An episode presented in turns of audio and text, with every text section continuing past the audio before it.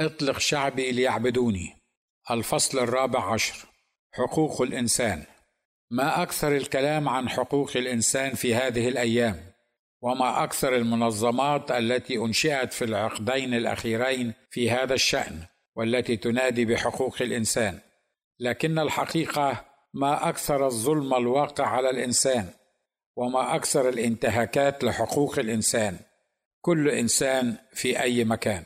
وأصبحت هذه العبارة حقوق الإنسان عبارة مطاطة يستخدمها كل على هواه لتحقيق أغراضه المادية والنفسية والسياسية والاجتماعية. ونسى الإنسان حقوقه. ونسيت معظم منظمات حقوق الإنسان ما هي أصلا حقوق الإنسان. وفي النهاية ضاع الإنسان وأصبح غريبا ومطاردا خائفا هاربا مضطهدا مسجونا ومعذبا في بيته أو بلده وبين أهله. فما هي حقوق الإنسان الأساسية التي لابد أن تتوفر له كحد أدنى ليحيا حياة كريمة هادئة؟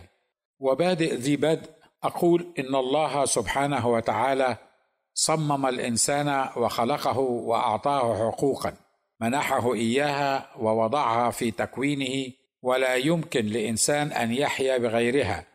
وفي النهاية سيحاسبه جل شأنه بناء عليه. لقد خلق الله الإنسان وأول ما أعطاه أعطاه حق اتخاذ القرار ليختار لنفسه إما أن يعبد الله ويصدق وصاياه ويحفظها ويعملها وإما أن يعصي ربه ويجني ثمار عصيانه.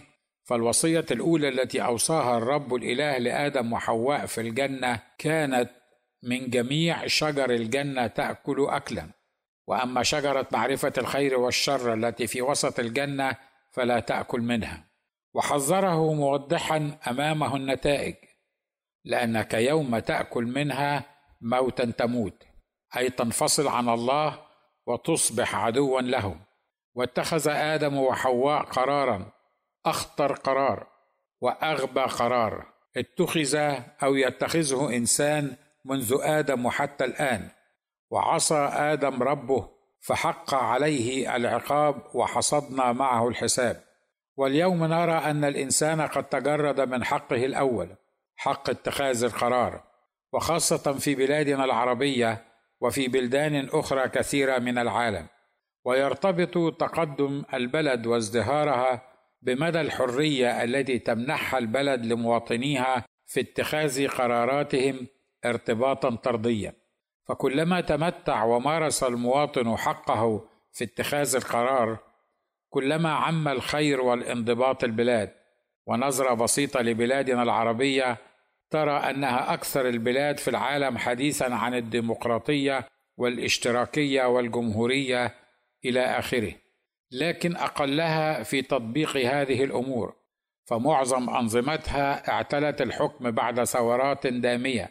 قتل فيها الزعيم زعيما آخر سابقا له وأعلن حالة الطوارئ في البلاد ولم يعرف الناس لماذا قتل الزعيم الثاني الزعيم الأول ولا متى سيقتل الزعيم الثاني بزعيم ثالث.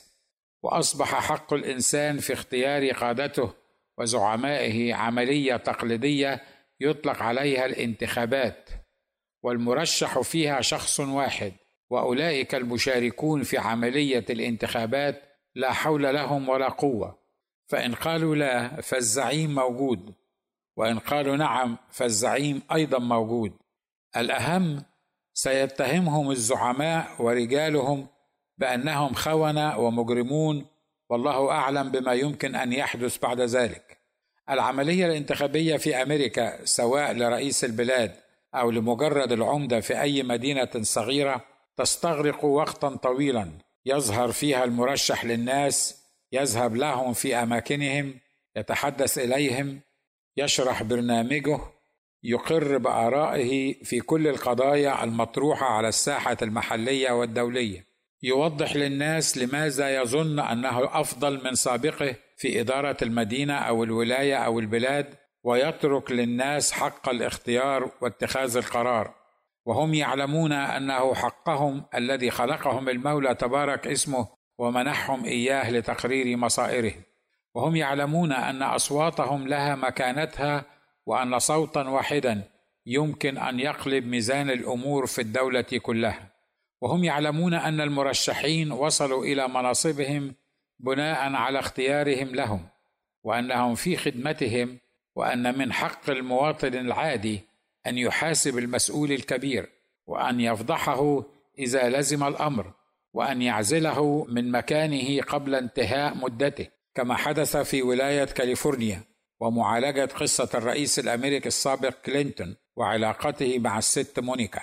فإن لم يمارس الإنسان حقه في اتخاذ القرار وحكم نفسه بنفسه لا يمكن أن يستمتع بحياته.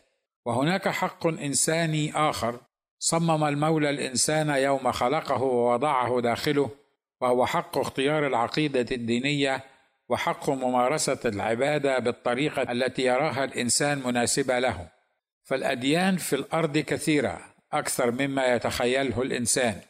ولكل دين تعاليمه وفلسفته ووصاياه وفرائضه أو أنبياءه وشيوخه أو كهنته وقسوسه وأن معظمها إن لم يكن كلها متضاربة مختلفة ومتنافرة في تعاليمها وممارساتها.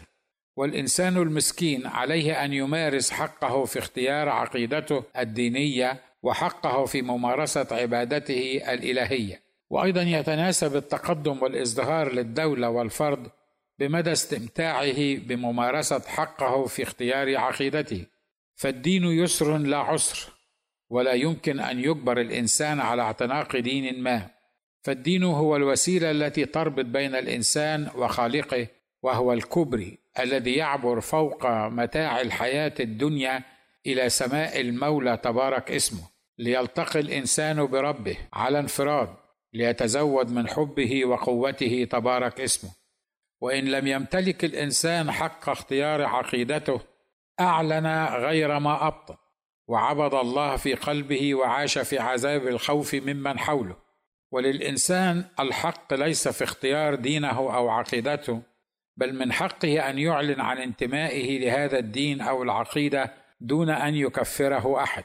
لقد جال السيد المسيح تبارك اسمه ينادي برسالته ويضع الخيار أمام الناس مبينا لهم طريق الحياة وطريق الموت وكأن لسان حاله يقول اختر الحياة فتحيا. لقد رفضه اليهود والسامريون وأوصى تلاميذه بأن يدخلوا إلى القرى والبيوت ويقول لهم سلام لكم. فإن كان في ذلك البيت ابن السلام أو من يقبل السلام حل سلامكم عليه. وإن لم يكن ليرجع إليكم سلامكم. وإن دخلتم مدينة ولم يقبلكم أهلها فاخرجوا وانفضوا غبار أرجلكم واتركوهم لرب العباد ليحاسبهم فهو شديد العقاب. اي اعطوهم حق اختيار عقيدتهم فالقهر والقصر والإجبار لا يجدي شيئا في العلاقة بالله وارتباط حقوق الإنسان باختيار العقيدة والإفصاح عن عقيدتي مرتبط أيضا بحقي في اختيار شريكة حياتي. فليس من حق أي إنسان على الأرض أن يقتلني أو يسجنني إذا ما ارتبطت بزوجة تخالفني في الدين أو العقيدة. فما جمعه الله لا يفرقه إنسان ولم يعطي المولى تبارك اسمه في المسيحية الحق لقائد أو كاهن أو قسيس أن يمنعني من الارتباط بمن أحب أو يجبرني على الارتباط بمن لا أحب. فالمولى خلقنا أحرارا وسيحاسبنا سبحانه وفقا للحرية التي منحنا إياها. وهناك حق ممارسة العبادة بالطريقة التي أريدها. فمن حق العباد كل العباد أن يقيموا دور العبادة والصلاة في الأرض. فليست هناك بقعة على الأرض يحرم فيها إقامة المساجد أو المعابد اليهودية حتى لو كانت في قلب الفاتيكان. وليست هناك بقعة على الأرض يحرم فيها إقامة الكنائس حتى لو كانت مدينة مكة بالمملكة السعودية. فالعبادة حق الله على الإنسان وحق الإنسان الممنوح من المولى. وهو اتصال شخصي مباشر بين الإنسان وربه كما قلت. أنا أعلم أنه لم تتوافر لنا الفرصة في ممارسة حق اختيار عقيدتنا يوم أتى بنا المولى إلى هذا العالم. فكل ولد على دين أبويه. لكن بذرة حق هذا الاختيار كانت بداخلنا. فإذا ما هداني المولى تبارك اسمه وشرح لي صدري وأمرني بأن أمارس حق اختيار ديانتي وعقيدتي أو طريقة ممارستي لعبادتي فليس من حق إنسان على الأرض أن يسلب مني هذا الحق. ومن حقوقي أنني لا أعيش في الأرض أحمل اسما لا يدل على هويتي. فإن لم يكن من حقي أن أختار اسمي الذي أطلقه علي أبواي فمن حقي أن أختار اسمي واسم أبناء القصر وأن أعلن ذلك قولا وكتابه في هويتي دون خوف أو اضطهاد أو سجن. ومن حقوق الإنسان المتغيبة في معظم بلدان العالم حق الدفاع عن النفس وهذا طبيعي. فمن لا يملك حق اتخاذ القرار ومن لا يملك حق اختيار العقيدة والدين ومن لا يملك حق ممارسة العبادة لا شك أنه كتحصيل حاصل لا يملك حق الدفاع عن نفسه. والدفاع عن النفس يشمل وليس قاصرا على حقي في إبداء الرأي. حقي في اصطحاب محام في أي مناسبة صغيرة كانت أم كبيرة يعتدى فيها علي حقي في المعاملة الكريمة في السجون ومراكز البوليس وحتى في المعتقلات.